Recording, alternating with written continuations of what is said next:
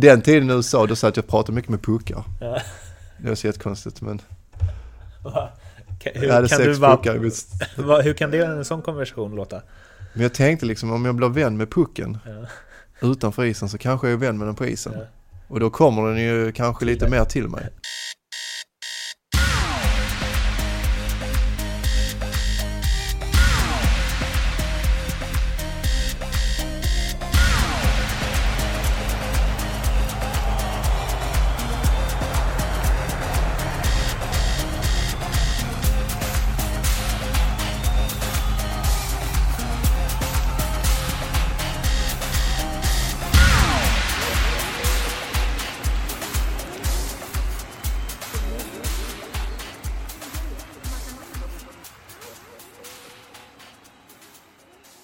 SHL-podden Möter från Nordic Bet är här. Det är avsnitt fyra. Gästen heter Kristoffer Nilstorp och är målvakt i Malmö Redhawks. Jag som pratar och även gör intervjun sen heter Mårten Bergman.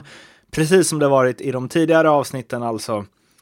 Snacket med Nilstorp var mycket, mycket, mycket, mycket trevligt. Han pratade om att eh, kicka med en boll fast den är lite för nära en hård vägg.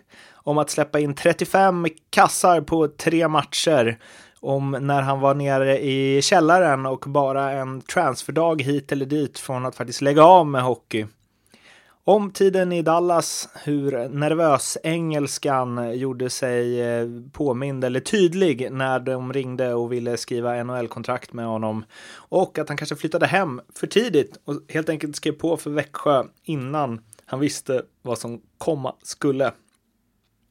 Han pratar också om hur mycket målvaktstränaren Erik Granqvist i Färjestad betytt för honom, hur oerhört gärna han ville tillbaka till Malmö och de här förhandlingarna med Frölunda som han faktiskt hade skrivit på ett kontrakt med innan han skulle till Malmö, hur det egentligen gick till.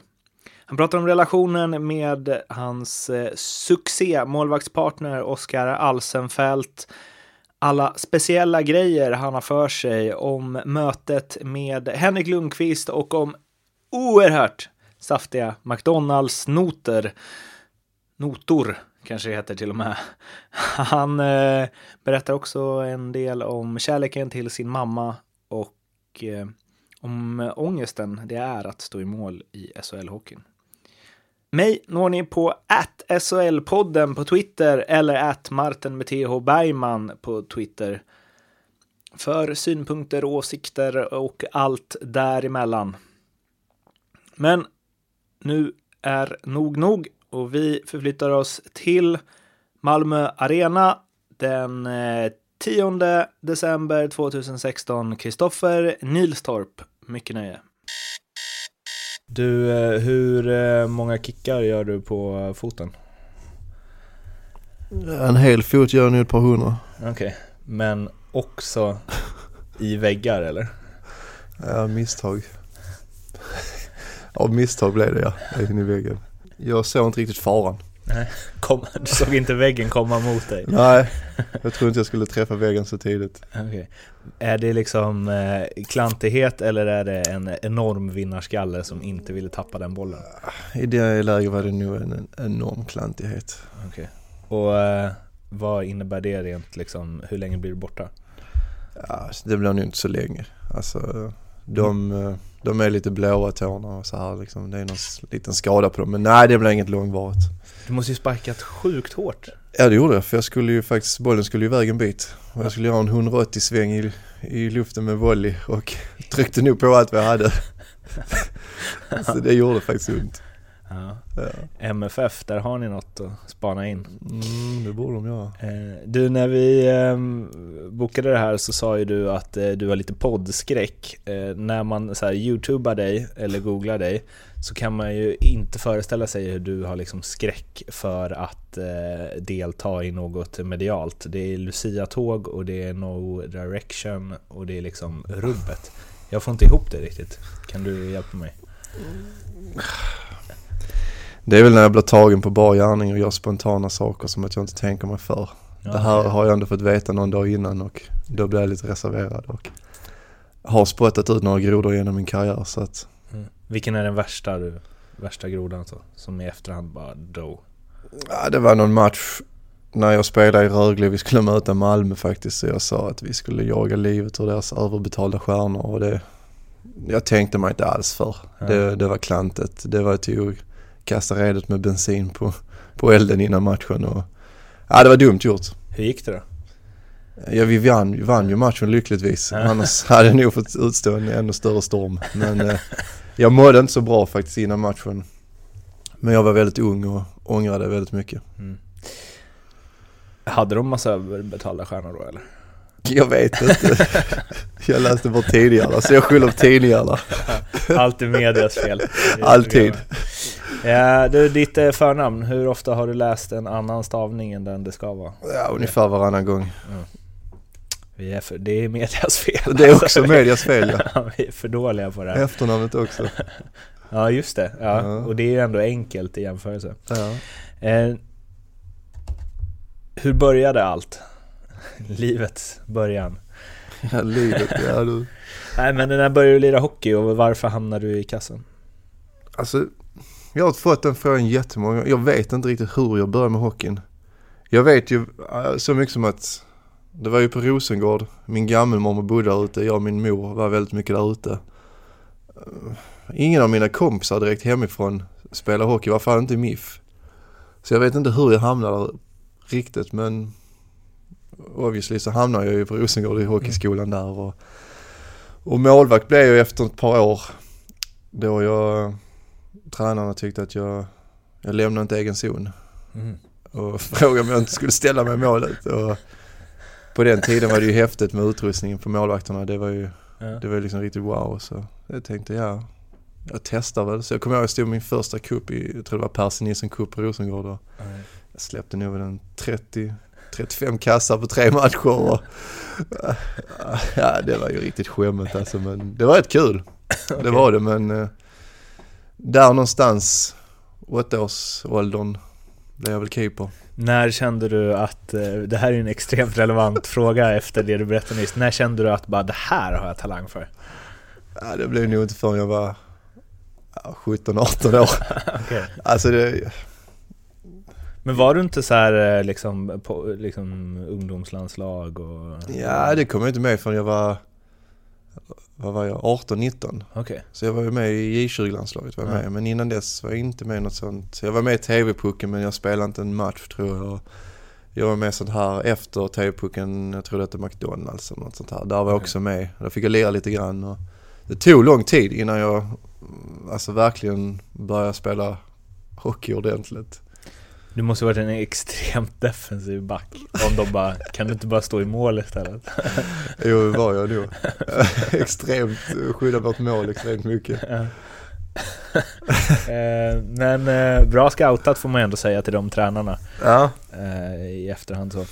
Du eh, gjorde dina första matcher i, eh, ja du spelade ju i MIF hela vägen upp ja. och gjorde dina första Elitserien hette det ju på den tiden, Mm. matcher 2003, 4 blev det fem matcher. ehm, I ett lag då liksom, eh, ja men Nostalgiker eh, hittar ju Juha Rijärvi och Daniel Rydmark och Sergej Fokin också tror jag, fyra matcher.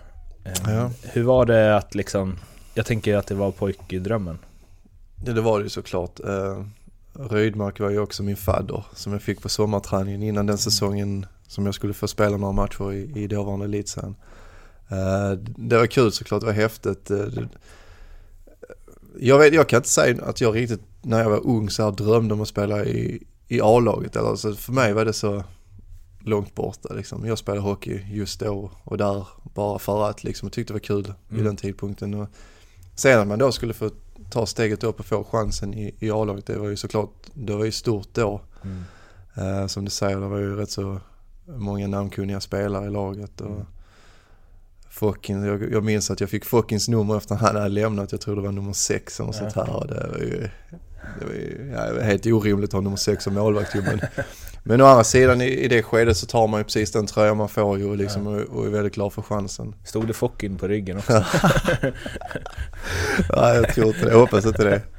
Men eh, var det fett liksom? Bara, nu, jag, jag står i elitserien? Ja, tyckte jag nog. Tyckte ja. nog det var rätt så häftigt liksom. Och, uh, det var ju nervöst också, tufft. Alltså det var ett stort steg kände jag, alltså när jag då kom upp och tränade med A-laget liksom. Jag kände, fan det, det här är inte lätt alltså, det här blir tufft liksom. Och, mm. Så jag var ju rätt så nervös inför, inför vad som skulle komma ske liksom. Men uh, jag var ung, jag var nog inte riktigt redo, tycker jag själv, om du frågar mig. Men jag fick ju chansen av någon anledning så antagligen så trodde ju tränarna på mig. Så att, uh, Ja, nu, det här är inte alls säkert att det är samma tid och så, men jag gör ju den här podcasten i en icke SHL-podden möteversion varje vecka tillsammans med André Brändeheden som du har spelat med och vi kommer återkomma till honom eh, några gånger under den här podden. Men eh, han berättade att när han provtränade med MIF, och jag antar att han var liksom 16-17 runt där, att det var liksom, ja det var, han fick inte mycket passningar och det var ganska eh, kyligt liksom överlag så, inget varmt välkomnande. Hur var det att komma upp som junior från egna leden till, ja man får ändå säga det fanns en del stjärnor i det laget liksom. Nej men det är väl, jag tyckte inte det var något större problem, det är väl som allt annat, det gäller att man rättar in sig i ledet och, och, mm. eh, och hittar sin plats i, i gruppen. Eh, jag blev väldigt varmt fick ett varmt eh, mottagande av, av, spelarna liksom. Sen hade jag ju Rydmark i ryggen liksom. Så, så det var ju helugnt på det sättet liksom. Men eh, nej, det upplevde jag ingenting om. Sen kanske det blir annorlunda när man kommer utifrån. Mm. Som André kom kanske från en mindre, jag tror han kom från Tyringe då mm. och testa kanske det det är ett annat klimat i en mindre klubb mm. jämfört mot en större klubb så det, det kanske var något sånt han upplevde. Men... men det var väl också lite så, eh, skulle man ha någon som hade ens rygg så var ju Rydmark ja. nummer ett. Ja det var det ju. Ja. Det var ju största och starkaste laget. eh, sen blev det, mm, jag går längst Elite Prospects här som jag brukar, det blev fem matcher som sagt första året, fyra andra, en sväng till Mörrum eh, och det året åkte MIF ur lockout-året, mm. tror jag det var. Eh, och Pasi Nurminen bland annat, där det ju finns stories. Eh, eh, vaktade kassen. Hur upplevde du den säsongen? För du spelade liksom kval med Mörrum då? Och, ja, din sida. den säsongen var nog den mest röriga säsongen i hela mitt liv. Det kändes som att jag, jag tränade aldrig, jag spelade bara matcher utan varannan dag så var jag med Mörrum, varannan dag var jag med MIF på mm. matcher. Så jag reste i stort sett till varenda stad i Hockey-Sverige. Äh. Upplevde alla arenor. Och, ja, det var rörigt för min del alltså. Det var, det var bra till en början. Jag fick komma ut och spela seniorhockey då i Mörrum, Allsvenskan. Men efter jul där så blev jag hemkallad till Malmö, tror jag det var. Och från där så var det bara, det var rörigt för mig. Alltså det var bara, det blev, det blev ingen bra. Den säsongen blev ju ingen bra överlag. Hur minns du den? Vi hade ju rätt så bra lag men, och det var lockouten och mm. jag tror, om jag inte minns helt fel så var vi lite sent ute och plocka in uh, NHL-spelarna. Ja, mm. även om vi hade duktiga spelare så tror jag för mig att det var att vi var lite sent ute för att vi kanske inte så lockouten vara så länge. Mm. Så att vi, och det gjorde nog lite i, i det hela liksom att vi kanske halkade efter och det är svårt då liksom man minns det var ju extremt bra spelare i, i elitserien då liksom. Och, mm. Ja, det var en jobbig säsong för, för hela organisationen.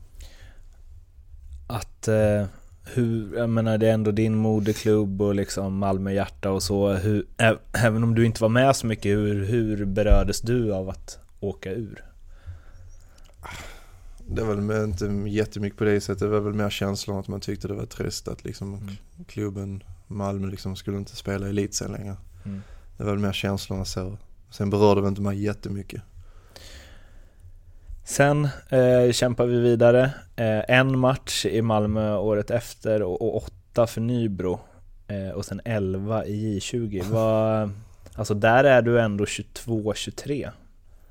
Har, mm. harva på. Då är jag, då är jag i källaren ja. i min hockeykarriär. Där jag fick beskedet att jag inte fick vara kvar i MIF. Ja. Och hade, jag minns att jag hade inte många dagar, timmar på mig att hitta en ny klubb. Det var ju sådana här ehm, eh, transferfönstret där det höll typ att stänga liksom. Så det var inte mycket tid att jobba med och jag hade i stort sett ingenting förrän på kvällen dagen innan det skulle stänga. Då ringde Tisell från Nybro. Så på den vägen hamnade jag i Nybro. Jag tänkte det här är min sista chans till att hänga kvar liksom på, på en, en skaplig nivå i hockeyn. Så jag tog den och åkte upp där, bodde hos en kille lag som jag hade träffat, uh, körde på den tiden. Men det blir ju totalt inklusive i 20, alltså 20 matcher hela den säsongen. Ja. Vad gjorde du, alltså Satt alltså på bänken? Ju, i ja, jag satt ju bänken i Malmö. Och, Hela höst? Ja. ja. Det var då Corey Hirsch kom in och spelade. Och gjorde det jättebra. Det var i Allsvenskan med Malmö. Mm. Jag tror jag fick en match, som du sa, Arboga, det minns jag. Uh, Hur många insläppta? Jag tror vi vann 6-2. 3. 6-3. Fan. det var nära. Men uh, i alla fall, och sen så höll jag igång i J20 under tiden för att, ja, få lite matcher. Mm. Men uh, ja, sen drog jag. Men kände, du säger där att du liksom fick, ja, det här är chans, sista chansen att hålla sig kvar. Kände du att bara, oh, nu är liksom ute på djupt vatten här, det här kan bli, ja men lira J20 liksom. Alltså.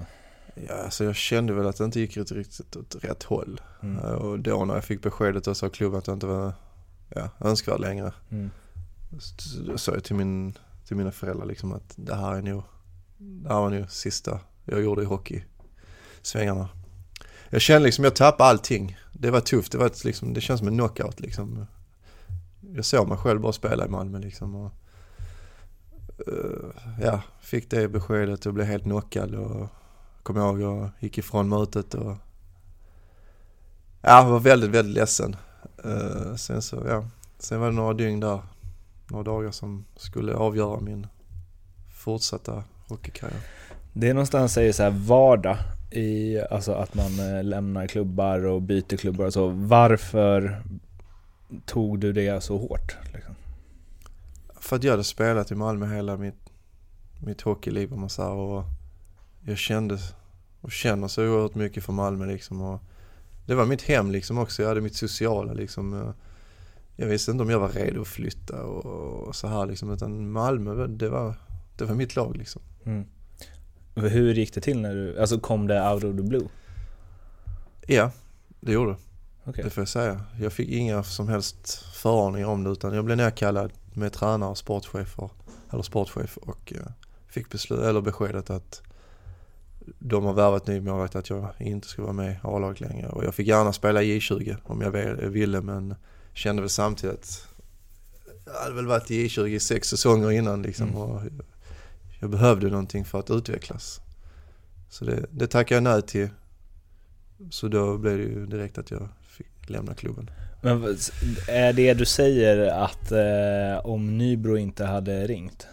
Ja, då hade jag förmodligen inte spelat hockey mer det året och vem vet vad som hade hänt sen liksom. Det är svårt att ta sig in igen liksom om man inte har spelat hockey på ett halvår, ett år. Mm. Uh, det kunde varit slutet. Men det blev, ni får ursäkta äh, miljöljuden i bakgrunden, men det är någon som skjuter en puck mot en sarg. Men äh, åtta matcher i Nybro, det är ju inte heller hela våren. Nej, men vi kom ju till att vi höll oss kvar där. Aha, okay. Och sen till allsvenskan slut där man säger. Sen blev det ju playoff ner ja, och upp. Jaha, ni kom mittemellan? Ja, ja, vi kom väl i ingenmansland som man kallar det. Och sen hamnade du i Rögle säsongen efter, då var det också så två J20, sju allsvenska matcher och en i Jonstorp i division 1. Ja. Den säsongen kräver ju också sin förklaring. Ja, ja då kom jag ju till ett till topplag i allsvenskan då. Eh, många bra spelare och Andreas Andersson var deras första mm. mål som var erkänt väldigt duktig målvakt. Och eh, jag såg det bara som en bra chans att, att ta mig vidare och klättra upp lite i allsvenskan till ett, ett lag som var hade lite högre ambitioner och tänkte att det skulle kunna gynna mig mm. på sikt. Och så tog chansen och åkte upp till, till Ängelholm och ja, kriga på där ett helt år och träna och träna och träna och träna och försökte ta vara på de få chanserna som det blev liksom. Och, mm. Ja, det, nu så här i efterhand så var det en jädrigt bra säsong för mig. Alltså den var viktig för mig. För jag lärde mig liksom verkligen att knyta näve liksom och sluta tycka synd om mig själv utan det var bara att köra på. För säsongen efter blev det 30 matcher för Rögle och sen så samtliga i kvalserien då en, du var med och spelade upp dem till SHL. Mm. Där känns det ju som att liksom proppen ur. Ja, jag fick ju förtroendet från start till mål och tog väl den rätt så ordentligt. Var det givet att du bara så här, får jag bara chansen? Eller kände du lite så här, oh. Ja, det är klart att man darrar lite väl. Alltså, jag var ju inte någon beprövad keeper på det sättet. Utan, men, eh, men jag hade ju verkligen känslorna i mig att jag var redo. Men man vet ju aldrig på förhand. Det är ju lätt att, att vara kaxig på förhand och säga ja men jag är redo för det här. Men det Mm. vet man ju inte förrän du har gått igenom det. Mm. Eh, nu var jag ju lyckligtvis hyggligt redo för den uppgiften och vi hade en bra säsong och ett jädrigt roligt lag. Och, ja, det var eh, skitkul på många sätt och vis. Hur var det att gå upp? Ja, det var ju galet. Jag tror det var, vid den tidpunkten var det nu 12 år sedan tror jag Rögle var, var uppe. Mm. Så det blev ju jädra fart alltså i, den, Mm. i Ängelholm. Alltså det var så jädra roligt alltså. Det måste ju varit en viss skillnad mot liksom dagen innan transferfönstret, Nybro där. Alltså Ja, i, det- i sinnesstämning. Ja, ja visst jag var ju i källaren sen helt plötsligt var jag uppe i Skybarn liksom och, Ja. och hämtade ny energi så att det, det var otroliga dagar och hela den säsongen var bara så sjukt rolig liksom. Man, Mm. man fick spela, man fick komma in liksom och spela se- seniorhockey i ett bra lag och ja, det, var, det var bara roligt liksom. Vi hade sjukt kul. Du var, eh, nu ska vi se här, den säsongen jag gick upp, då var du 24. Mm. Jag tänker, för jag intervjuade Micke Tellqvist eh, nyligen, den har inte släppt sen, men där har vi, alltså han var ju så här 20 när han bara dubbla SM-guld, Ja. NHL. Alltså, nu slog han ju aldrig igenom där, men just så här när man ser på dig idag och tänker så här vad du varit med om, då tänker man ju inte att så här, eh, att du var liksom, du var ju ingen innan 23 eh, års ålder liksom. Nej. Alltså, Nej, nej. det kunde absolut. varit vilken jävla målvakt som helst. Ja, men det är ju så med, med den här världen. Visst, det ligger mycket jobb bakom allting. Ja. Sen ska man ha tur. Och du ska få en tränare som vågar ge dig en chans liksom. Och Mm.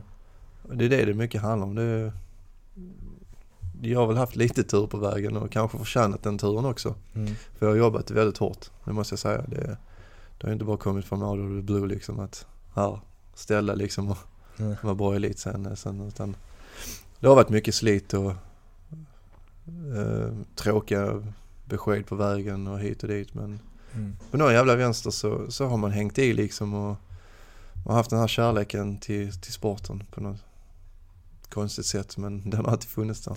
Är det den som har gjort att du fortsatt? Eller finns det något annat där, att, bara, att du så identifierar dig så mycket med hockeyn så att... Alltså jag, för min del tror jag mycket har varit att just det här var ett lag. Ja. Att det här går till, till träningarna var dag och tillhör ett lag. Det har ju, alltså det, jag tycker det är så jädra roligt. Alltså det, det händer något nytt var dag och det är rätt så rolig, eller det är en rolig jargong, rätt så tuff och Mm. mm. hänsynslös emellanåt. Alltså jag älskar den, den grejen liksom att tillhöra ett gäng liksom där man, när man vinner matcher tillsammans. Det är så en jävla skön känsla alltså. Så det, det tror jag det är mycket som har drivit mig till en början.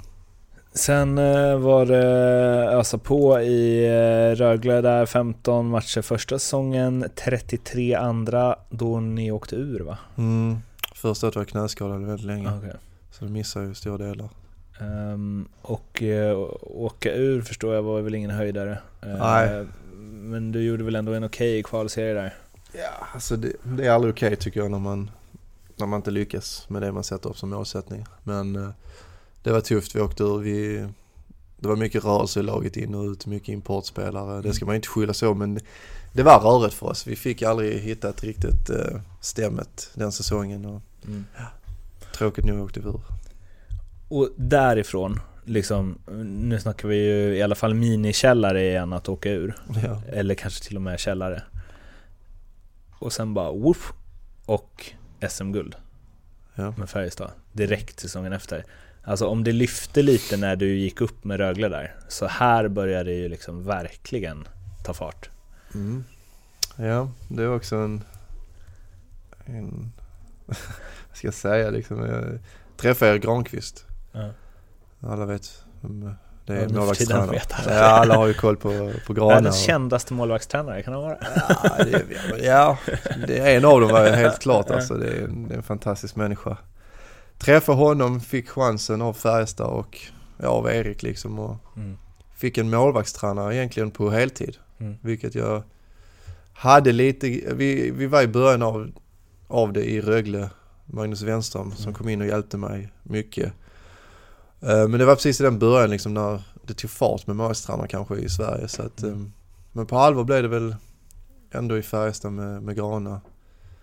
Eh, En helt sjuk uppbackning man fick som målvakt av Mm. honom och ja, hela klubben för den delen men Ja som du sa, det lyfte rejält. Det, det var precis vad jag behövde på något sätt för att kanske både förstå min potential, potential och, och, och, och fatta de grejerna jag behövde jobba med för att få ett positivt utslag. Men under den här tiden, det blev liksom SM-guld och sen en säsong till där du var en av SHLs bästa målvakter. Eh, Och hade liksom svinbra räddningsprocent även i slutspelet i året, även om Mm. det inte gick hela vägen. Eh, uttagen i Tre Kronor och sen pang, eh, NHL-kontrakt med Dallas. Alltså när började du fatta så att bara det här kan bära till NHL och landslaget? Eller bara hände det liksom? Alltså återigen där igen, alltså när jag, jag drömde väl aldrig direkt om NHL eller landslag. Alltså jag vet Det låter konstigt men jag, jag på något sätt när jag växte upp och spelade så var det liksom Ja men jag lirade, jag tycker det är, det är liksom roligt nu liksom och Det var så långt ifrån Ja, men det, mig liksom att jag, att jag skulle nå de, Mm. eh, vad ska man säga, de Men det, topparna men det är det jag menar där, liksom här, när du vinner SM-guld och eh, sen bara helt super första målvakt i Färjestad Ja. andra året. Då måste du ju ändå börja så här. vad kan det här... Alltså jag började fundera lite grann liksom så här. Så jag tänkte efter SM-guldet där, alltså det var ju så sjukt häftigt. Alltså det blev ändå en bekräftelse på att någonstans att man är en vinnare liksom. Och, Mm, och det är väl det någonstans det här går ut på också när man håller på idrott, att vinna. mm, Så det blev en bra bekräftelse liksom. Och då börjar man fundera på, jaha vad ska jag nu då liksom för att bibehålla detta här? För det här liksom en gång, alltså det är ju häftigt, man vill ju fortsätta med det här. Och då, ja vi hittar vägar där jag och Erik liksom. Jag började jobba med Andy liksom, tänkte jag måste Mm. försöka maximera mig ännu mer. För att nå ännu högre eller nå någonstans. Men jag visste inte riktigt. Och för Vad er jag som inte vet, efter, men- eh, Andy, det är alltså Andy Svärd som är en mental coach som Mm. eh, Kristoffer och typ alla andra svenska duktiga målvakter använder sig av. Ja, fortsätt. Ja. Men jag fortfarande så visste jag inte riktigt vad jag sökte om. Jag, alltså jag sökte, alltså jag siktade kanske inte på NHL eller landslag på det. Jag ville bara spela bra hockey över lång tid. Mm. Det var nog det viktigaste. Vilket skittråkigt mål. Alltså när ja det var det nog. Ja. Men det, är lite sexigare att bara, jag vill spela i New York Rangers. ja, jo, jo alltså absolut det är mycket sexigare men jag var nog rätt så osexig som, eller är rätt osexig som målvakt kanske men eh, ja det är liksom, där någonstans så tror jag väl det har väl hjälpt mig. Mm. att ta mig dit jag har varit och är. För att jag... Jag har alltid haft hyfsat rimliga mål för mig själv. Men när du sen så drog på dig till Kronetröjan liksom, var det bara... Eh, alltså, hann det hända så pass mycket mellan kanske lägger av om inte Nybro ringer till landslaget att det kändes naturligt eller var det fortfarande lite så här: wow, det här Ja, det var wow. händer? Ja, det var wow, det var det. Det var väl liksom inte naturligt på det sättet. Men det var, det var verkligen wow-känsla. Det var... Mm, vad fan ska jag säga? Ja men då var man väl lite darrig igen liksom så här Ja. liksom. Men samtidigt så kände jag mig rätt redo för det på något sätt. Jag hade haft två rätt så starka säsonger i ryggen och eh, spelat bra hockey liksom. Så någonstans så kände jag mig väldigt redo. Mm. Men det är klart att det blir liksom ett, en nivå till på det hela liksom och bara den här gula fina tröjan tar på sig så blir det ju en extra nerv i det hela. Och det är det gott om redan i hockey. Var du stolt? Är oerhört stolt. Mm. Ja, ja, sjukt stolt. Sen ringde Dallas, Ja. berätta. Ja, det var så jättekonstigt liksom. Jag var, det var under VM. Jag var med på VM, hemma-VM. Jag tror det var 2012. Och så rätt plötsligt så ringde min agent och sa att NHL-klubb hade ringt. Så tänkte jag, ja, ja, det är väl snack som vanligt liksom. Det, Ja. det, Sen började det ringa amerikanska nummer på min telefon och jag, fan, jag kunde knappt engelska kände jag liksom att vad fan, hur ska jag ta hand om det här samtalet liksom? Och, så jag pratade med en del klubbar och dels scoutrar och ja, GMs för klubbar liksom. Och det, alltså jag kommer knappt ihåg vad jag sagt till de människorna så här efterhand för att jag kunde knappt engelska. Alltså. Mm. Men äh, om man taskig engelska och är lite nervös så blir man ju ännu taskigare. Alltså det var ett skämt liksom. Men, ja, jag träffade, jag kommer ihåg att träffa Dallas på plats i Stockholm. Mm. Uh, deras, hela deras crew kom där liksom och så, ja, satt ner med möte med dem och Ja, det, det var ju häftigt. Det var liksom lite, det blev lite High Chaparral över det hela liksom. Ja. Sen, sen minns jag att jag berättade för min, för min mamma att eh, fan, det blir nu att jag flyttar nu till USA. Och morsan liksom, ja, ja, ja. Och sen, hon var inte riktigt glad över det. Det här låter jättekonstigt. Hon var inte så glad över att jag skulle flytta till USA. Vi har en väldigt speciell eh, relation till varandra. Och jag fick höra i efterhand att hon hade suttit och grätit, eller gråtit i, eh, i tvättstugan i en månad var kväll över att jag hade lämnat besked att jag skulle flytta till USA. Och hon var ju glad såklart för min skull men hon var ju väldigt ledsen att jag skulle flytta till USA. Ni är tajta eller? Ja, supertajta och det blev bara så jättekonstigt att Jaha, nu ska jag flytta till USA. Hur fan ska mm. detta gå? Jag kunde flytta hemifrån Åkarp liksom. Mm. Så ja, skrev på för Dallas så tänkte jag, vad fan det får ju eller brista detta. Ja. och det var väl lite det som också blev mitt fall med NHL att första året så jag tyckte, alltså jag typ tyckte, eller ifrågasatte vad fan jag gör här liksom. Jag, jag var inte riktigt mentalt redo. Mm. Tyvärr. Tyckte du inte att du var tillräckligt bra? Nej, det tyckte jag nog inte.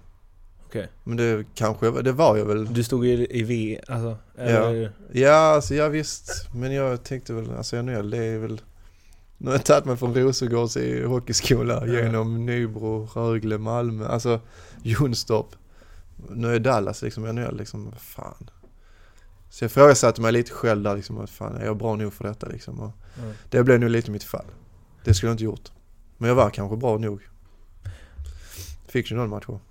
Det stod fem första eh, och en andra. Alltså bara det, att stå eh, på tal om att så här liksom dra på sig en tröja och glida in på en is. I, hur ja. var det i NHL?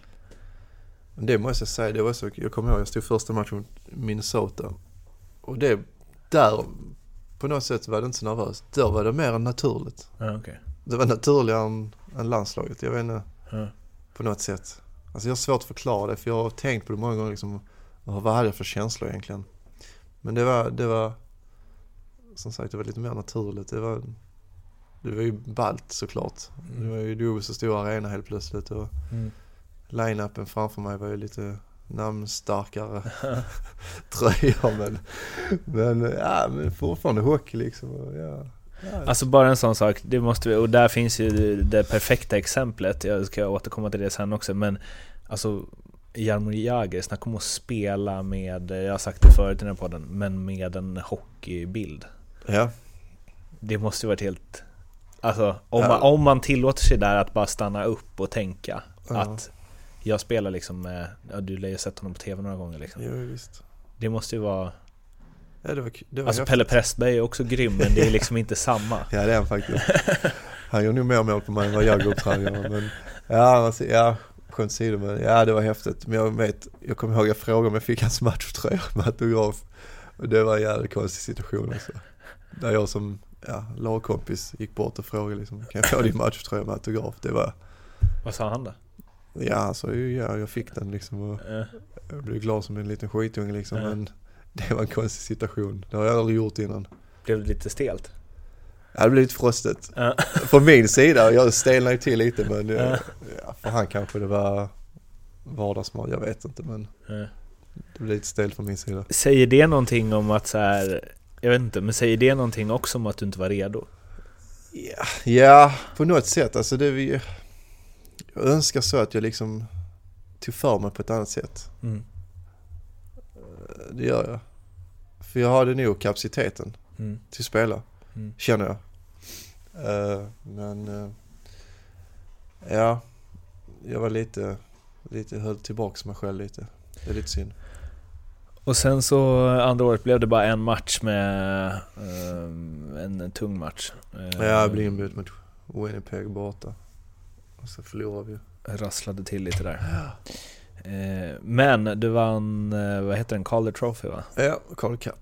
Calder Cup med, ja precis, med eh, Texas Stars. Ja. Eh, och eh, där kanske det finns, eh, men nu har vi en halvtimme kvar och det finns mycket att prata om så jag vill, det ska inte, vi ska inte ta, liksom, plocka isär den säsongen. Men Nej.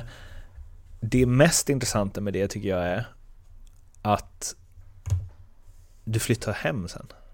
ja. Man tänker ju att bara om du är liksom farmarligans bästa målvakt måste man ju ändå säga om du vinner kuppen liksom. Då tänk alltså Ja. att det måste funnits intresse från NHL. ja, det fanns det också. Jag skulle kunna flytta vidare till en annan organisation. Vilken då? Ja, det behöver jag inte gå in på Ja, men men... bara kom igen. Nej. Jag kan bipa det. Jag vill bara Ja men det, det var snack där med några klubbar men uh, grejen var om man nu så här i efterhand så hade jag ju gjort klart med en annan klubb. Mhm. Det var väl egentligen det som stoppade. Jag var bestämd rätt tidigt att jag, jag ville hem och ta ny sats för att jag kände att jag hade misslyckats med att ta en plats i NHL. Och all respekt mot AHL för det tuffaste ligan jag någonsin spelat i. Men jag kände efter två år att jag behövde ta lite ny sats för att någon gång kanske igen ta mig tillbaks till NHL. Mm. Så jag bestämde mig rätt tidigt att efter den här säsongen så åker jag hem och spelar någonstans i Europa. Men du hade redan signat för Växjö? eller? Jag signade rätt tidigt ja. Okej. Hur hur tidigt då? Ja, någon gång efter nyår. Oj, och sen bara vann du liksom. Kände du inte bara shit? Ja, jo men det gjorde jag. Alltså Ja. klart, alltså fan, månaderna gick där liksom. Jag spelade ju slutspel fram till den 21 juni tror jag det var. Ja. Och det trodde jag inte, det trodde jag inte heller just då liksom att jag skulle hålla på så länge liksom. Och... Ja, jag kände väl lite shit fan, det här var lite... Ja, det vet man ju aldrig innan men... Men du har ju köpt dig ur kontrakt nu på scen. Det, det kunde du väl gjort redan då tänker jag? Ja. Ja, jag vet inte vad, alltså det är klart att det kanske jag ångrar lite grann. Men samtidigt sen blev det ju jävligt bra i Växjö också. Ja. Men för det där, eh, om vi summerar hela NHL-grejen och hela USA-äventyret där och går till det nu, visst det blev bra i Växjö och så vidare, men du sa att du gjorde det för att ta ny sats på något sätt. När, när man ser, när man inte visste det här, Mm. då ser det ju mer ut som att du bara, nej, jag, det här kommer aldrig gå. Jag har hellre en framgångsrik karriär i Sverige. Ja, alltså det jag tänkte mest var väl att jag vill ha en större roll. Mm. Alltså som målvakt. Och det hade jag i AHL jag stod i stort sett alla matcher. Och, Mm. men att ta sig in i NHL och ha en stor roll, det är lite tuffare. Mm. Så det var ju lite av mitt beslut, lite som du säger, att jag kände att jag ville hem och få en större roll i, alltså, i laget jag kommer hem i. Mm. Ehm, så det var väl lite därför jag åkte hem till, till Växjö, försöka få en stor roll och försöka vinna ännu ett SM-guld. Och, Och där blev det guld direkt. ja, Eh, bra år där, alltså många guld ja, på kort tid. ja. Det är ju jävligt... Ja, det var ju häftigt såklart. Det var kul. Uh, Mm. Alltså jag är ju sjukt stolt över det fortfarande. Mm. Kommer väl alltid vara det. Eh, bra lag hade vi. Uh, kom verkligen tillsammans efter jul och nyår där och, och spelade riktigt bra hockey och i slutspelet så, så var vi värdiga vinnare. Du gjorde ju två säsonger i Växjö Mm. och någonstans här, alla de här åren från att du eh, fick veta att du inte var önskad längre i MIF, fanns Mm. det någonting där ehm, att du ville tillbaka? Till Malmö? Ja. Ja. Det är, på något sätt är väl lite som jag sa förut att jag var väl inte riktigt redo där och då jag var ung. Mm. Eh, kan väl inte, jag klandrar ingen annan liksom att inte jag fick vara kvar med mig själv men det var tufft där och då att få beskedet men samtidigt så ville jag ju tillbaks och på något sätt liksom spela på riktigt för, för Malmö. Ja. Det blev ju bara någon strömatcher här och där. Jag kände mig inte riktigt kanske som en i laget eftersom jag var junior och, Mm. Och var uppe lite grann och, och så här. Så att jag har alltid haft en längtan att komma tillbaka till Malmö, det har jag haft. Men hur pass liksom... Eller vad man ska säga, när började det bli? När kände du att det kan hända? Liksom? Det började jag väl egentligen tänka på eh, efter första året i Växjö.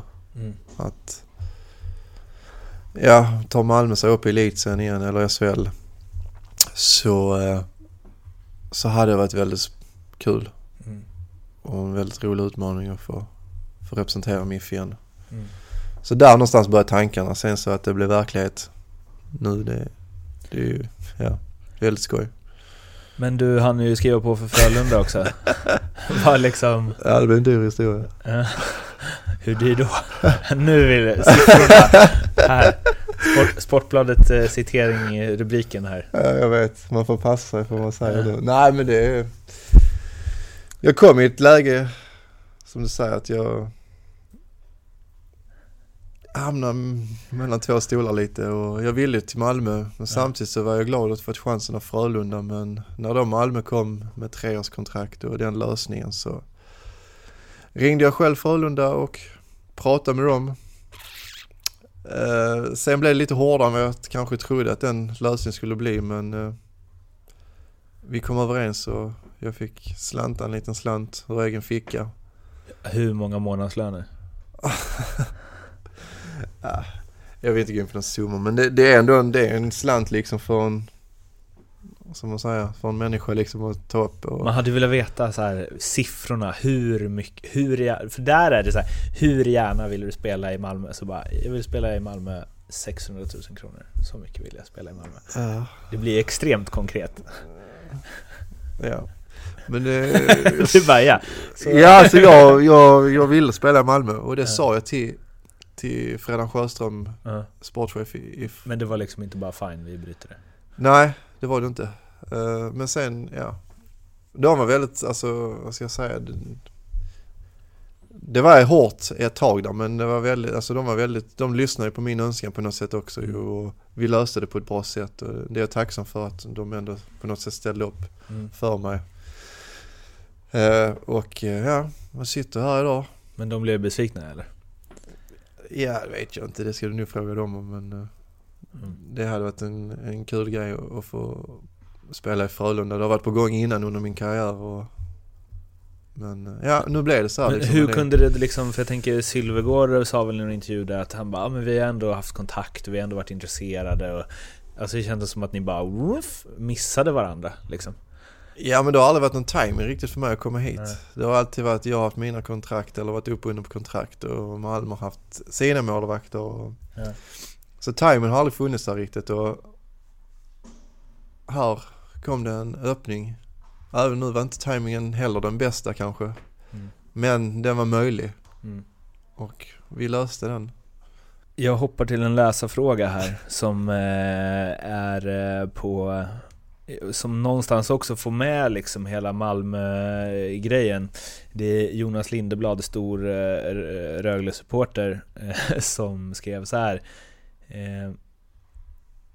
Att du var bitter på Malmö när du inte ens fick tredje spaden. Karriären tog sen fart i Rögle. Hur ser du på dåtiden nu?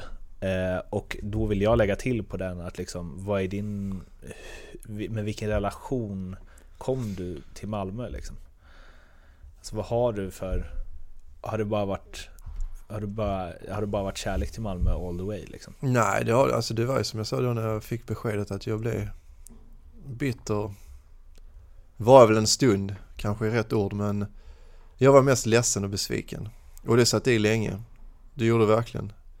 Eh, Tyckte de hade behandlat dig unfair liksom? Nej, alltså så funkar den här branschen. Men jag var rätt så grön liksom och ung och man tänkte liksom, vad fan. Mer än en match kunde jag väl fått då den säsongen. Mm. istället för, för sparken liksom. Men det är så det funkar liksom och det jag tycker inte synd om mig själv på något sätt längre över det utan eh, när jag kom tillbaka så här liksom, det, det var på helt nya förutsättningar kände jag. Eh, så nej, jag känner väl inget över det längre. Det är jag absolut inte utan nu känner jag väl mer en, en, en tillhörighet till Malmö eller till Redhawks och med starka klubbkänslor. Det har jag verkligen. Det betyder mycket för mig att spela i Malmö. Mer än vad det betyder att spela i andra lag liksom? Ja det gör det. Mm. Det kan jag väl säga att det, det, har en liten extra känsla att få spela Malmö. Det har det verkligen. Sen har det alltid varit speciellt i de klubbar jag varit i för de har tagit hand om mig på ett extremt bra sätt måste jag säga, alla klubbarna. Mm. Men det är ändå speciellt när man har vuxit upp i en stad och gått igenom alla pojklag och juniorlag och så här. Det, det är en speciell känsla. För mig är det det i alla fall. För det sa ju Silvergård i någon intervju med Mr Maddock tror jag, att Kristoffer har ett stort Malmöhjärta. Han har varit lite ledsen över situationen, att det inte funnits plats för honom. ja, ja, det är hans sätt att uttrycka det. är klart att, men det är som jag sa innan, det, jag har ju velat spela här en, en tid men det har inte passat varken mig eller Malmö. Uh, det, alltså vi behöver absolut inte gå in på summor men du säger ju lite, jag vet inte hur mycket det är på skämt och allvar, men att det var dyrt. Det blev en dyr affär liksom. Var det helt... Det är relativt vad som ja. är dyrt men det är ju ändå rätt helt, mycket pengar. Var det helt givet? Att bara när de sa vi vill ha så här mycket om du ska bryta kontraktet. Var det helt givet då? Det handlar inte om pengar. Det handlar om mina känslor för klubben och, och chansen att få spela för Malmö. Det är det det handlar om. Sen är ju pengarna helt oväsentliga vad, vad det kostar. Mm. För det är så mycket mer värt för mig att ha ett socialt liv, få bo i mitt hus, eh, vara nära mina, mina vänner, familj mm. och, och, spela för Redox. Det är värt så mycket, mycket mer. Är en annan som jag tror känner ganska mycket så, Oskar Alsenfelt, din målvaktskollega. Mm. Eh, jag och Andrea eh, Brändheden pratade om målvakters relationer med varandra och eh, det här liksom man ska jobba extremt tight men man är då också de enda i laget som konkurrerar om en position. Ehm, och då sa han att jag aldrig liksom spelat med ett målvaktspar som har känt som att de bara mm, liksom käkar middag tillsammans och tycker, men han har spelat med par som har funkat mer eller mindre bra på isen liksom. Ja. Men då sa han, om det finns något målvaktspar som jag skulle kunna tänka mig är liksom Krambjörne-vänner även vid sidan så är det Nils Torp och Alsenfelt. Eh, och jag har ju gjort den här podden med Oscar för, när han spelade i Leksand. Eh, och jag får, det känns som att ni skulle kunna vara bra vänner. Mm. Är ni det? Det är vi. Mm.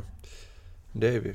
Det måste jag säga. Vi har, för jag, alltså historien lite kort, men vi har ju alltid känt till varandra. Mm. Men vi har väl aldrig umgåtts eller spelat samma lag innan. Mm.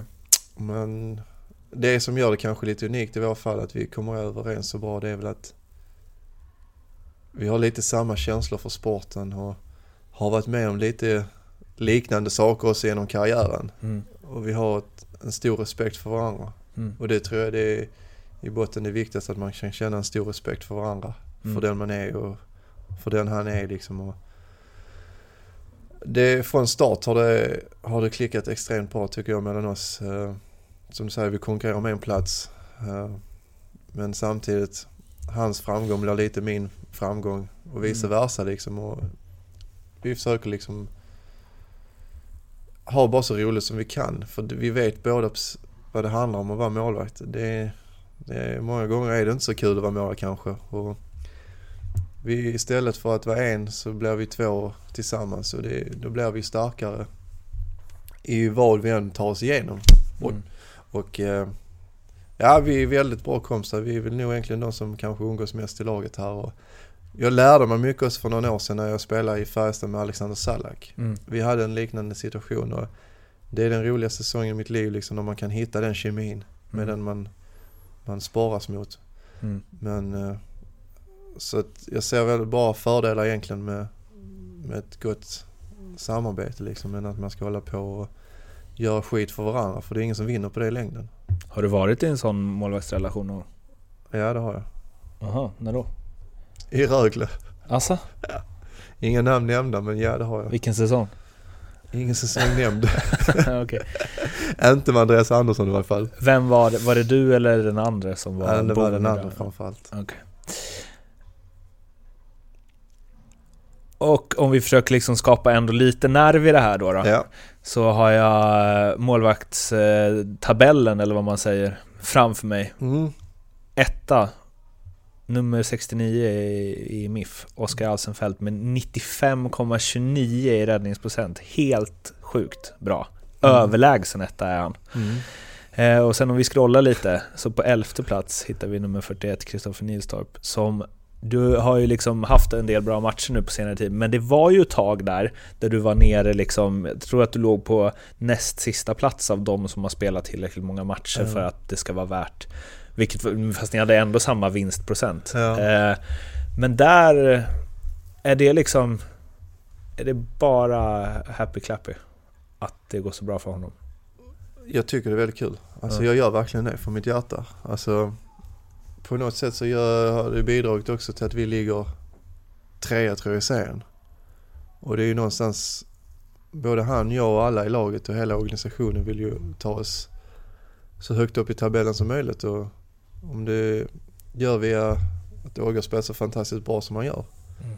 så är det ju, det är vår allas framgång. Så jag gläds otroligt mycket. Han är ju värd efter tufft förra år där han var skadad i stort sett hela året och ta sig tillbaka till det. Det är det som gör det ännu mer imponerande tycker jag. Det är inte siffrorna i sig utan att man kan komma tillbaka efter en sån pass tuff skada Mm. och sen spela bäst målvaktsspelare av alla målvakter i SHL. Det imponerar mest på mig. Okej, för att så här hårdra det och det här är väldigt eh, hypotetiskt, men jag gillar hypotetiska frågor. Eh, Så får ett Han- hypotetiskt svar. eh, eh, Oskar lirar 90% av matcherna och ni vinner guld, kontra att du har en jävla pangsäsong, lirar 90% av matcherna men ni åker i kvarten. Nej, guld. Är det så? Ja, Det är eh, hu- eh, Ja. 100%? det handlar om att vinna. Okej.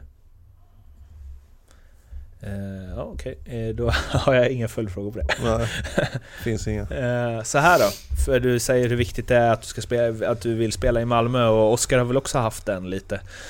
Han har, det här är hans sista år på kontraktet. Du har två år kvar. Det finns någonting, eller någonting säger mig, och jag vet Sylvegård har väl också varit inne och snurrat lite på det, att eh, och utan att veta vad ni tjänar så känns det som att det är två kanske för bra målvakter för att spela i samma lag. Men jag, jag gillar inte det, alltså man kan inte säga så. Men kan man, kan man, ha, man måste ha fyra bra centrar, du måste ha åtta bra backar. Kan man ha för många bra backar? Kan du ha för många bra centrar? Kan du ha för många bra målvakter? Ja, men man kan ha för många dyra ju. Ja, uppenbarligen går det ju. Eh, Just nu funkar det jättebra, verkar det som ju.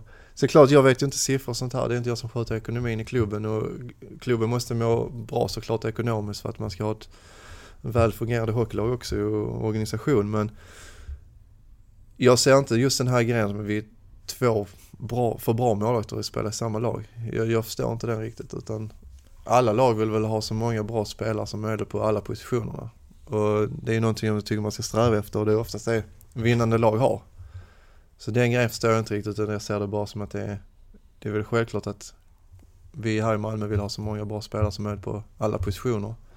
Sen är det klart att det ska gå ihop ekonomiskt men det där var, sköter ju Sylvegård och, och klubben utmärkt redan som det är liksom. Så det har de ju bra, bättre koll på både du och jag. Och, så vi litar på dem där. Swishar aldrig tanken förbi att om Oskar fortsätter så här så kommer Malmö vilja förlänga och att de kanske bara, vi har inte råd med båda. Det är ju inte mitt bord ju liksom men jag hoppas att Oskar stannar så att vi kan fortsätta bygga vidare på vår relation och på vårt målvaktsspel. För jag tycker vi, vi utvecklas båda väldigt mycket och har lärt varandra en del här nu redan på de här månaderna så att för mig hade det varit jättekul om han och vill stanna. Sen är det ju Åges val såklart. Mm. Det är hans karriär och den ska han ta vara på precis som vi andra försöker. Det är... Hur ska jag ställa den här frågan då? Många som jag har pratat eh, eh, om dig med Mm. och framförallt André säger att du är förmodligen den mest speciella målvakt han haft att göra med. Att så här, så avslappnad, Förutom när det ska, alltså så här, bara matchdag, i alla fall förut så gick det typ inte att få kontakt med honom. Och han har massa grejer för sig och han är inne i sin bubbla och det och liksom att alla målvakter är mer eller mindre det, men att du är mest. Och det är liksom, andra lag kan prata till dig också, att du är speciell där liksom. Eh, kan du se det själv, fast det är du som är det? Ja, alltså, jag får nästan kalla och höra Vad- Vad sa du för nästan? Kalla kåren. Ah, alltså, ja. det, det, ja, alltså jag vet precis vad han snackar om. Uh, och så har det varit, men det måste jag också säga att det har varit en mognadssak också. Jag är lite äldre här nu så jag har ju samlat på mig lite mer erfarenheter och har blivit bättre. Mm. Jag är, försöker vara mer så avslappnad som jag är kanske utanför hockeyn. Mm. Försöker väl vara alltså, vid hockeyn också. Mm. För att jag tror att det hjälper mig. Mm. Det andra jag har hållit på med med massa rutiner och Ja, vad är det han snackar om? Ja det har, alltså, det har varit så jättekonstiga grejer. Jag kommer ihåg på någon tid i karriären så satt jag och pratade med tre tavlor i mitt sovrum innan match. Alltså det har varit så helt sjuka grejer som man tror på för stunden. För att man råkar göra en bra grej så tror man att det är därför. Okej. Det är ju lite naivt tänkande men någonstans har man ju trott på det och det, det behöver ju inte vara fel. Så länge du själv tror på någonting så brukar det ju vara bra för dig men Har du fler exempel? alltså jag, jag vet att om du skulle fråga här med miffarna så kommer de säga att jag suttit och spelat trummor med fingrarna i luften och I Alltså, omklädningsrummet? Ja, alltså jag har gjort mycket konstiga grejer. Men för stunden har det känts bra. Ja. Och det är väl någonstans det som är det viktigaste, att man går ut på match med en känsla som är bra. Va, vad säger Andy om den grejen? Vi har jobbat bort en del. lagt, lagt fokus på kanske mer väsentliga saker. Ja. Uh, sen finns det lite kvar, men jag tror att jag är en mer avslappnad målvakt och människa, Kristoffer, Mm. nu än vad jag var när jag spelade med André. Jag, vet, några till. jag, jag tror att det var, ja men inför att jag sökte det när du spelade i Växjö där så pratade jag med Johan Svensson, Mr Mad- Maddock Och då sa jag så här, ja men Nils då, vad tror du? Tror du han kan vara bra i liksom i en podd så? Och han bara, ja eh, Men det är väldigt mycket så här när du får tag på honom Om, alltså han bara, du ska nog inte testa på hösten typ sa han alltså, och jag antar att det är någon form av uttryck för så här att det är mycket dagsform som avgör ja, om du liksom eh, Ja, jag vet inte. Om du är på humör eller inte liksom. Det är lite ledsamt att folk känner så om mig men Alltså Jag har ju någonstans de senaste åren dratt mig ifrån lite media Mm. Medvetet Jag känner att jag vill ha en, eh, en, en större distans Mm. till media Eh, det, är alltid, det är alltid så svart och vitt att vara hockeymålvakt Mm. Det är, och det är, så är det. Sen om det är rätt eller fel eller bra eller dåligt, det kan, behöver vi inte diskutera här men jag har lärt mig mycket på vägen och därför drar jag dragit mig undan med flit och jag känner liksom att på hösten, jag vet inte vad han menar riktigt kanske men det kanske inte är min primetime på säsongen. Eh, men eh, eh, ja, ska säga liksom, jag, ja, det är väl ingen formsak så men det ska kännas rätt för mig annars vill jag inte, annars känner jag liksom att det, har inget att, att ge liksom. Mm. NHL-drömmen. Ja, Du skulle ju hem och liksom ta ny sats. ja. Lever den eller? Ja, Den kommer att leva så länge jag spelar hockey. Okej. Det gör den. Det är inget snack. Sen om den ligger lite längre bort här nu, det, det gör den ju säkert. Eh, Men eh, just nu har jag lite andra mål. Men eh, den lever så länge jag kommer att spela. Vi ska hoppa till eh, Först en, en youtubare Kalle Järnkrok, vad tycker du om honom? Jo, han är schysst. Han är bra hockeyspelare framförallt. Och åker in i målvakter, eller? Nej, det syftar för att jag delar ut ett par smällar på honom. Det känns inte, alltså, där blev lite så här. är du den som liksom tänder till där? Nej, det är väldigt sällan. Hade haft en dålig dag eller? Nej, men ibland är det liksom att man får säga till liksom att ibland räcker det. Ja. Eh, Det var väl en sån kväll tänker jag. Aha. Det var väl mycket. Du och Carey Price? Ja, Såg du hans? ja så hans lilla utbrott. Ja, li- lilla utbrott. Det måste göra jävligt ont, tänker jag, med stöten. Ja, det ska du göra ju Ja. för att fan det gör ont att bli pååkt ska jag säga. Ja. Det är så mycket mer som man kan bli skadad så att Ja. respekten måste upp där. Nu har ni utspelarna. Eh, spelare du spelat med, det finns ju några man vill plocka ut, men det finns ju en mer än någon annan och de andra som jag skrivit upp tänker jag att jag kan ta med andra. Jag har skrivit upp Kenny Jönsson, Dick Axelsson, Dragan Umisevic, men för det här kommer ju inte hända med någon annan intervjuare i den här podden som jag kommer på på rak arm. Jaromir Jagr. Mm. Här vet jag att du sitter på guld. Eh, Om honom? Ja. Så kör. Ja det gör jag. Tänk om han ringer mig och är sur på mig. Det gör Nej förmodligen skulle inte han ringa mig ändå. Han ringer, kan jag få en tröja? Ja. Nej. Det roliga, eller vad har jag att säga om Jagger egentligen? Alltså, jag vet att under tiden i Dallas så tränade han på nätterna Alltså, och sov på dagarna. natt, natt, natt. Liksom. Han gick till ishallen vid 12, midnatt och sen tränade han på natten. Han har egen nyckel in till ishallen, vet jag, träningscentret. Och körde isträning på natten. Och sov på dagarna. Ja, han tränade ju med laget självklart, Ja. men sen sov han. För att sen träna på nätterna. Och det här gäller ju såklart inte matchdagar. Mm. Det är väl viktigt att tillägga så inte någon Ja. tror detta. Det är väl en grej om honom att han höll på med det, natträning. Han, eh, han tog hem alla sina klubbor var dag. Varför vet jag inte. Men hur många är det? Ja, han har nog en, mellan en 5-10 klubbor med sig hem var dag. Okej.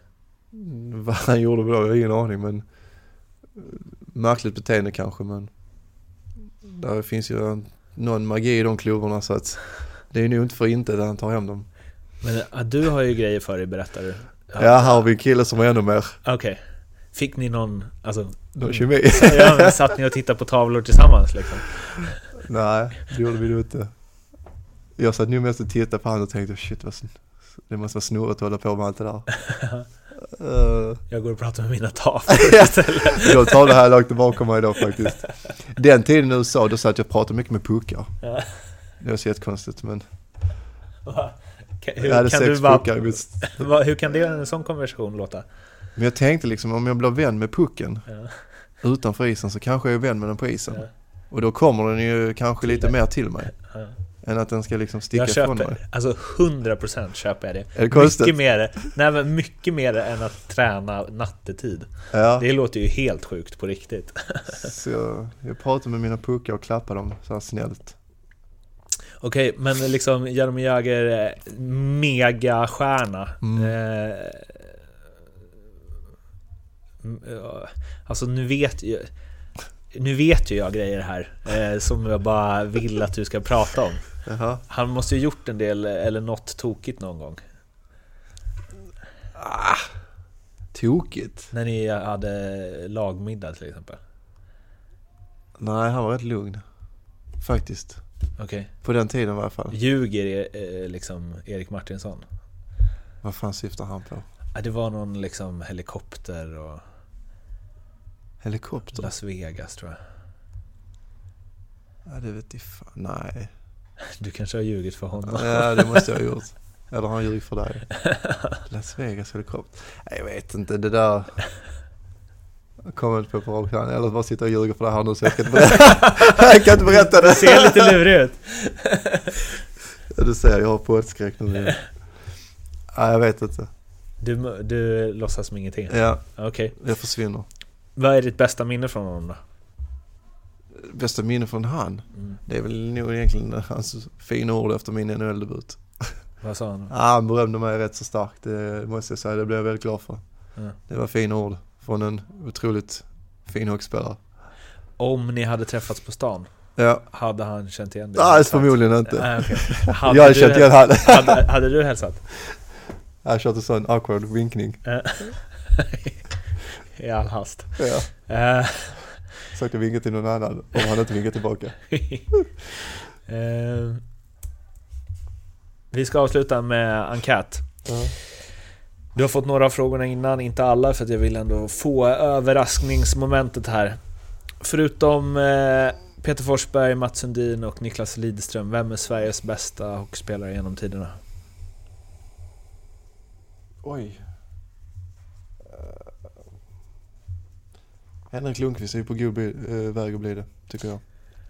Och det här är en fråga som är utformad till utespelare, men jag tänker att den går att ställa till målvakter också. Till utspelarna lyder den, tror du att du hade spelat i första femman i alla NHL-lag 1990?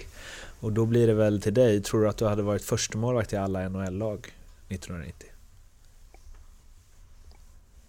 Mm, Jag förstår inte frågan. Alltså, Alltså, har utvecklingen gått så mycket framåt Ja. att du hade varit givet liksom en toppmålvakt i NHL? nej, då. saker är inte givet här i livet, så nej, svarar på det. Du är den första som, eh, som svarar nej på den. Men jag är realistisk kanske. Förutom eh, Wayne Gretzky och Mario Lemieux, vem är världens bästa hockeyspelare genom tiderna?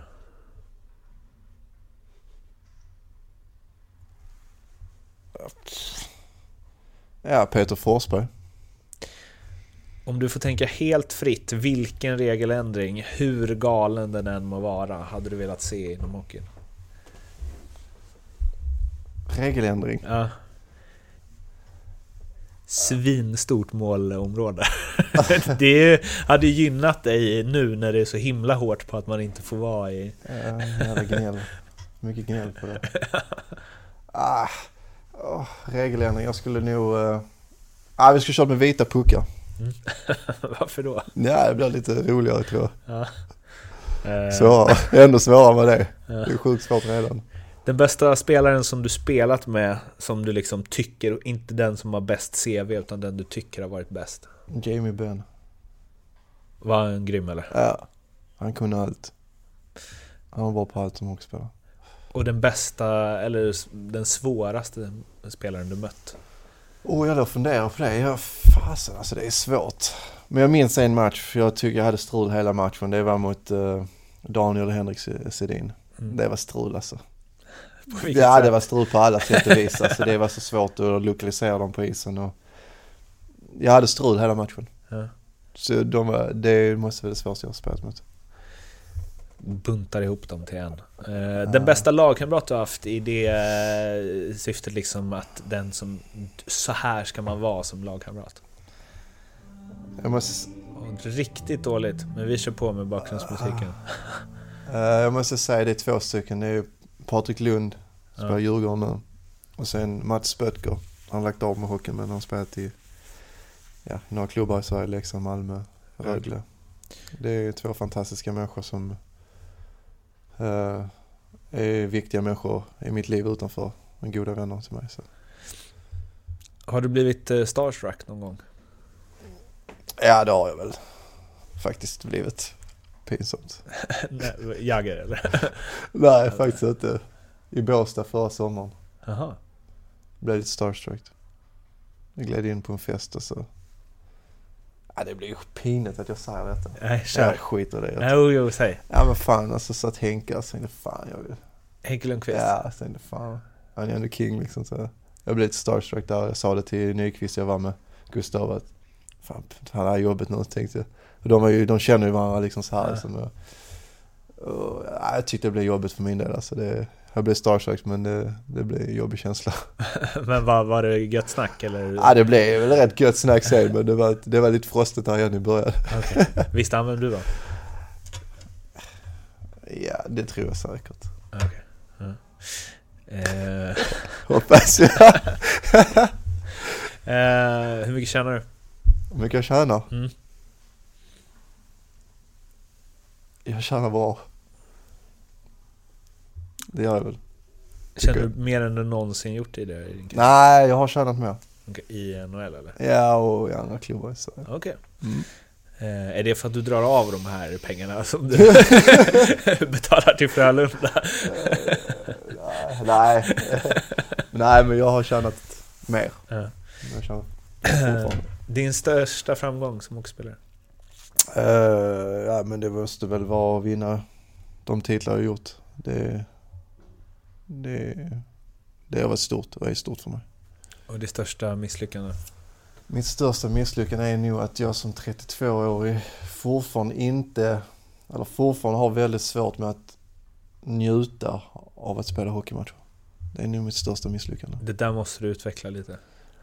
Ja men att vara målvakt, jag tror att många känner nog lite samma känsla som jag kommer att beskriva. Att, att vara målvakt är mycket stress, press, förväntningar. Du har 20 man i ditt lag som kanske gör sin bästa match och du gör ett misstag och du förlorar matchen. Det är en jobbig känsla. För hela laget drabbas och skadas av det.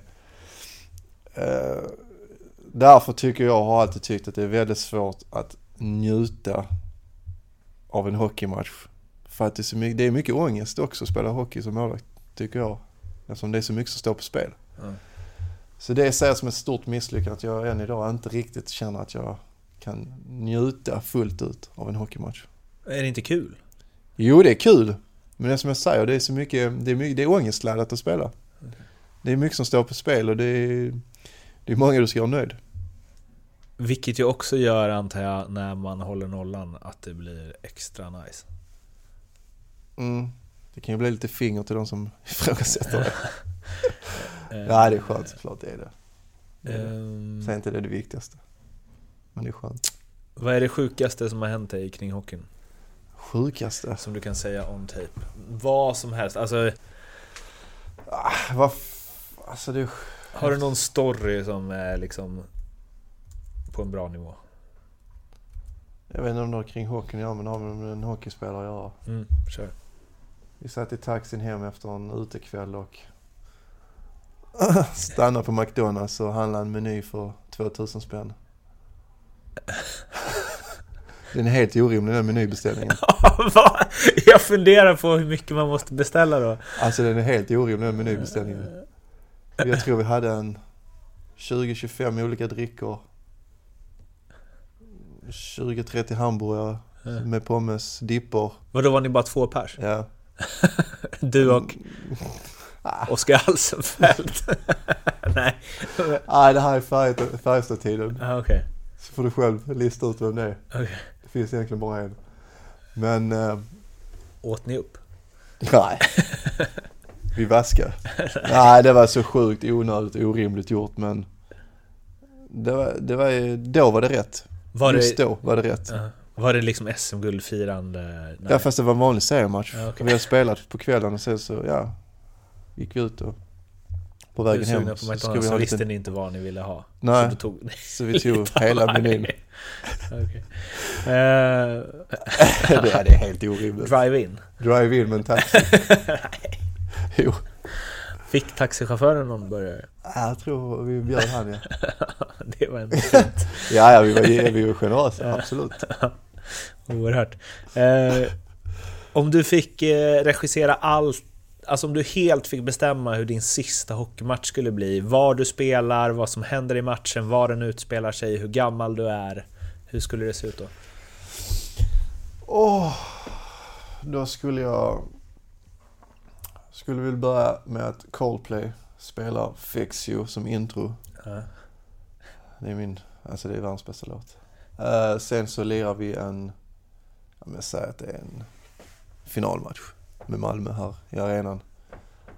Och såklart vinner vi ju den. Och får avsluta med en guldfest med, eh, Hur gammal är du då? ja, alltså måste jag lägga av sen. Ja, Oh shit, ja men så vi, vi sa att jag är 48. Ah, ah, det orkar jag inte. Ja men 40 känns det som en, Ja. en schysst siffra då. Kan man nolla samtidigt kanske? Ja. Sätter du det sista i öppen kassa också? Ja det är för dåligt klubben men uh, säg att vi vinner med 4-0 då. Ja. Och så blir det McDonalds. en McDonalds på vägen hem, nattamat ja. De Alltså, är ju sponsorer också. sponsor- Eller hur? Jag har tänkt på det. Att Så det är- pratat orimligt mycket om McDonalds i Ja. den här podden. Så det kanske man får ett, ett sånt, vad heter det, presentkort. ja men något sånt. Det har varit häftigt med lite konsert, bland annat med en riktigt bra hockeymatch som vi vinner såklart med, med ett guldfirande. Det hade ju varit min största dröm. Att Avsluta. Ska Coldplay vara här och lira? Ja, ja, det ska vara live. Precis. Ja, Ja, absolut. Eh, och vem skulle du vilja höra i den här podcasten? Jag skulle nog vilja höra Erik Josefsson. För att... Han har rätt mycket Okej, bra säga bra. faktiskt. En väldigt ordentlig man med rätt, ja han skulle vi höra på. Det är, en- det är en intressant kille.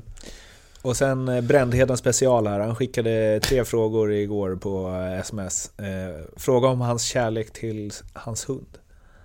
Ja, Tyra. Den är stark. Är det det? Ja, den är stark. Hon är en stor del av mitt liv. Är det så? Ja. Hur länge har du haft henne? Köpte den i eh, juli. Okej. Ja. Vad är det för ras? Fransk bulldog. Okej. Döpt efter Tyra Banks. Aha. Och så en liten diva. Eh, du, det ska finnas någon glasskiosk på sommaren. Mm. Vad är det för något? Ja, jag öppnade en glasskiosk för, för några år sedan med Johan Björk. Okej. Mm. Den är ju såklart stängd nu under vinterhalvåret men vi har öppet på sommaren. Ligger, Här nere i södra Sverige. Går bra? Den har gått bra ja. Vad heter den? Torpets glasskiosk. Jag tänkte skämta om det. Den Mm, gör det alltså? ja. Nej, men var den exakt ligger den? Alltså, Eh, Kring mina hemtrakter, ett Lomma, Åkarp. Okej. Mm. det är värt ett besök. Ja, ja, alltså det... Är det ja, Björk ja. som gör glassen eller? Alltså vi, nej, alltså vi köper ju glassen från en, jag ska säga, någon närproducerat litet ställe som gör hemgjord glass. Och så, ja. Står du där själv eller? Ja, det gör vi, jag och Johan.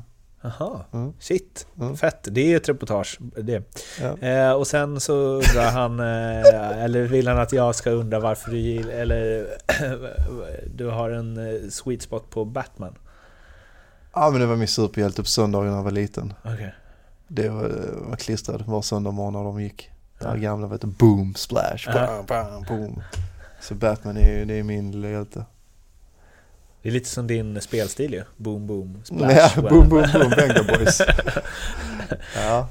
Eh, och slutligen, vi vill bara fastna, jag vet inte om det finns något mer att säga där, men eh, du sa att du har en speciell eh, relation till din, eh, till din mor. Mm. Vill du säga något om det? Liksom, vad hon, jag antar att hon har betytt någonting kring hockeyn också då, eftersom hon inte ville att du skulle flytta. Ja, alltså hon har väl eh, stort sett betytt allt för mig som person och hockeyspelare och hon är min största supporter. Har alltid varit och sett till så att jag jobbat vidare och haft det bra.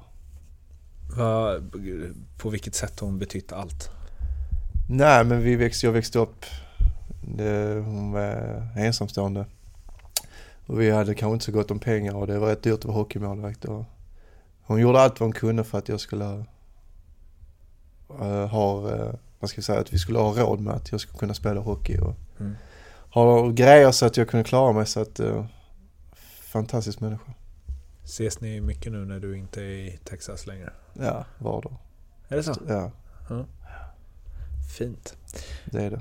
Du, eh, vi avslutar med det. En shoutout till din mamma och alla andra bra mammor. Ja. Eh, Kristoffer, tusen tack för att du ville vara med.